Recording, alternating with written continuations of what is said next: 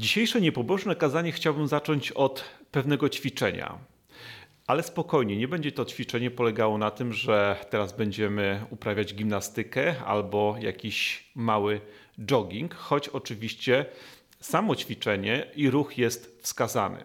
Chciałbym Was zaprosić do ćwiczenia związanego z wyobraźnią, bo tekst Janowy, który dzisiaj będziemy omawiać i komentować, jest malowniczy.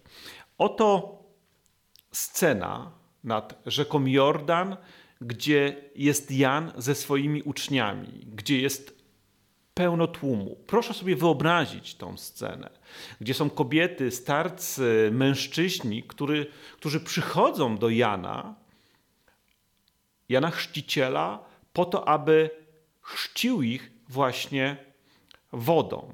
Ufają mu, wierzą Janowi, widzą w nim przywódcę i lidera.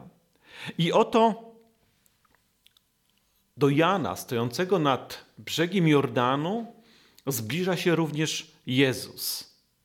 I Jan mówi takie oto słowa, słowa, które bardzo dobrze znamy, ponieważ są powtarzane podczas każdej mszy świętej. Oto baranek Boży, który gładzi grzechy świata. Gładzi grzechy świata. Jan zobaczył w Jezusie Syna Bożego. Ale wyobraźmy sobie znowu odwrotną sytuację, że nic takiego nie następuje. Jan mówi: oto fałszywy prorok, oto ktoś, kto podszywa się za Mesjasza. Oto ktoś, kto próbuje być wichrzycielem i burzycielem. Krótko mówiąc, jest tym, który nie daje świadectwa prawdzie, dobru i pięknu. Przecież Jan miał swoich uczniów, którzy widzieli w nim właśnie przywódcę, widzieli w nim lidera, ale także sam Jan, jako człowiek z krwi i kości, mógł mieć swoje ambicje religijne, polityczne, społeczne. A jednak Jan rezygnuje z tego i powiada: Oto baranek Boży, który gładzi grzechy świata. Słowo gładzi koresponduje zgładzi grzechy świata. Moglibyśmy przypuszczać, że jeżeli Jan rozpoznaje Zbawiciela i powiada, że on gładzi czy zgładzi grzechy świata, to oto grzech przestaje mieć prawo obywatelstwa w naszym życiu społecznym, politycznym, a przede wszystkim w naszym życiu religijnym. Skądinąd wiemy, że nic takiego nie następuje. Skądinąd wiemy, że nie ma powrotu do raju raz utraconego, a więc do tego miejsca, gdzie był Adam i Ewa. Musimy pogodzić się z tym, że grzech jest stale i nieustannie obecny w naszym życiu, w naszym życiu indywidualnym, w naszym życiu społecznym, w naszym życiu religijnym, choć tam powinno być go jak najmniej. A więc jesteśmy grzesznikami. To nie jest tak, że przyjście Jezusa oznacza, że teraz będzie obowiązywać tylko miłość, pokój, szacunek, dialog, tolerancja. Dobrze by było, byłoby cudownie, ale powtórzmy, nie ma powrotu do raju raz utruconego. Zostaliśmy z niego wyrzuceni, obdarowani wolnością. Stąd grzech. Obraz człowieka świętego jest wyidealizowany. Przedstawia nam, szczególnie Kościół, kiedy wynosi kogoś na ołtarze, że jest to osoba, która rzeczywiście jest prawie idealna, że jest niemal aniołem. Otóż myślę, że to jest fałszywa absolutnie koncepcja, że jesteśmy grzesznikami i trzeba się z tym pogodzić. Świadomość tego, że ciągle upadamy, sprawia, że nie myślimy o sobie jako ideałach. Myślimy raczej o sobie, mając świadomość grzechu, że możemy coś jeszcze w sobie poprawić, że mamy zadanie do wykonania, że potrzeba pracy nad własnym charakterem, nad e, własnym sposobem postępowania, czy też budowania relacji między mężem a żoną, rodzicami a dziećmi, dziećmi a wnukami i tak dalej, i tak dalej. A więc w moim odczuciu święty to jest grzesznik, który upada i który się podnosi.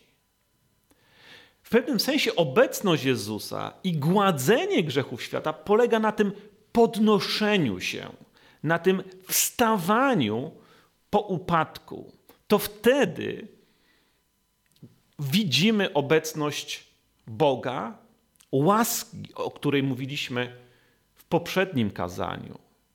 I widzimy, że przyjście Jezusa i gładzenie grzechów świata oznacza nieustanną pracę nad sobą, budowanie innego rodzaju relacji niż te, które obowiązywały do tej pory. Oto baranek Boży, który gładzi grzechy świata. Rozpoznaje go Jan Chrzciciel. W tym fragmencie, który dzisiaj czytamy, a dokładnie jest to Jan, pierwszy rozdział, wersy 29-34, w tym krótkim fragmencie pojawia się jeszcze jedno zdanie, które wydaje mi się kluczowe. Oto Jan, oprócz tego, że rozpoznaje w Jezusie Syna Bożego, powiada na końcu tego fragmentu następujące zdanie. Ja to ujrzałem i daję świadectwo. On jest synem Bożym. Jan daje świadectwo. Co to znaczy dać świadectwo? Wiemy już, że ufamy Janowi, a przynajmniej jego uczniowie, ludzie, którzy tam przyszli, zawierzyli mu swoje życie, chcą podążać za Janem. Ale Jan kieruje całą uwagę i cały swój autorytet nie na siebie, ale na Jezusa. I zaświadcza o nim, że oto jest ten, którego oczekujemy Mesjasz. W życiu religijnym bardzo ważne jest świadectwo. Świadectwo polega na pewnej spójności między tym, co się głosi, a tym, jak się postępuje. I również na tym, jak wielką cenę gotowi jesteśmy zapłacić za to, jakie poglądy wyznajemy i jak według nich żyjemy. Jan budzi respekt, budzi zaufanie, budzi szacunek, dlatego, że jest wiarygodny, że gotowi jesteśmy mu zaufać.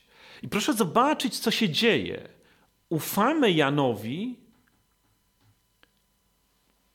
bo on daje świadectwo. A jak Jan daje świadectwo, to przyjmujemy to świadectwo, wierząc, że jego stwierdzenie ja to ujrzałem i daję świadectwo, On jest Synem Bożym, jest wiarygodne. Powiedziałem, świadectwo w życiu religijnym jest ważne, bo na nim opiera się wiara, bo na nim opiera się zaufanie i na nim w końcu opiera się wierność. Oto świadectwo dane przez Jana jest kontynu kontynuowane. Przecież niektórzy z jego uczniów, uczniów Jana, stali się zarazem uczniami Jezusa Chrystusa, apostołami. Bo Jan dał świadectwo.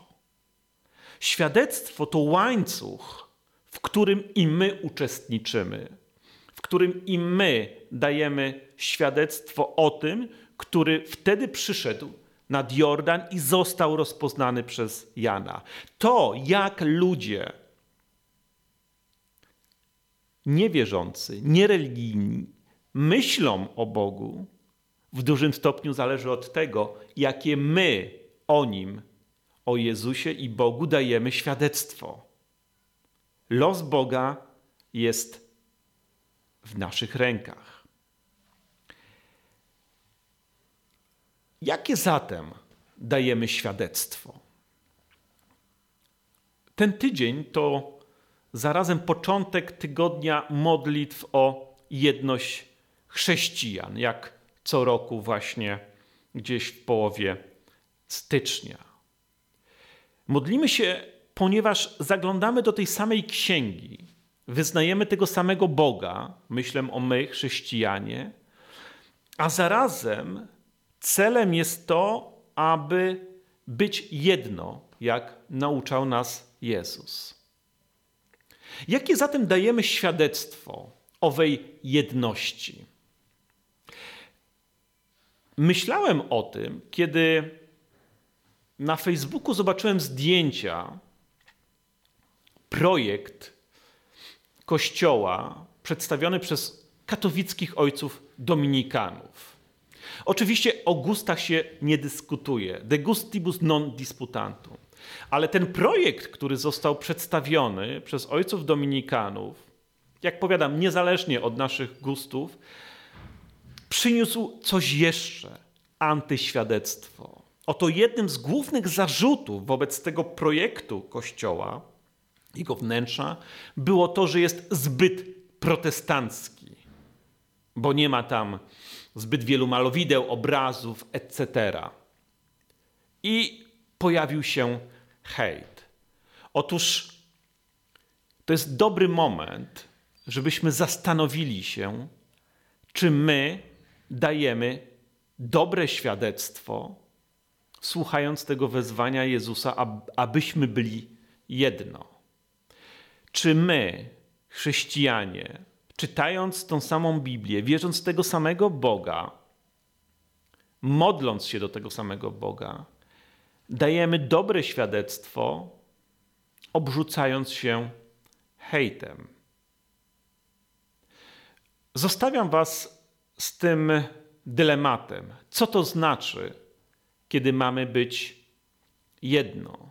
Co to znaczy dać świadectwo o Jezusie tak, aby inni, szczególnie osoby mające dylemat lub niewierzące, chciały pójść za nim?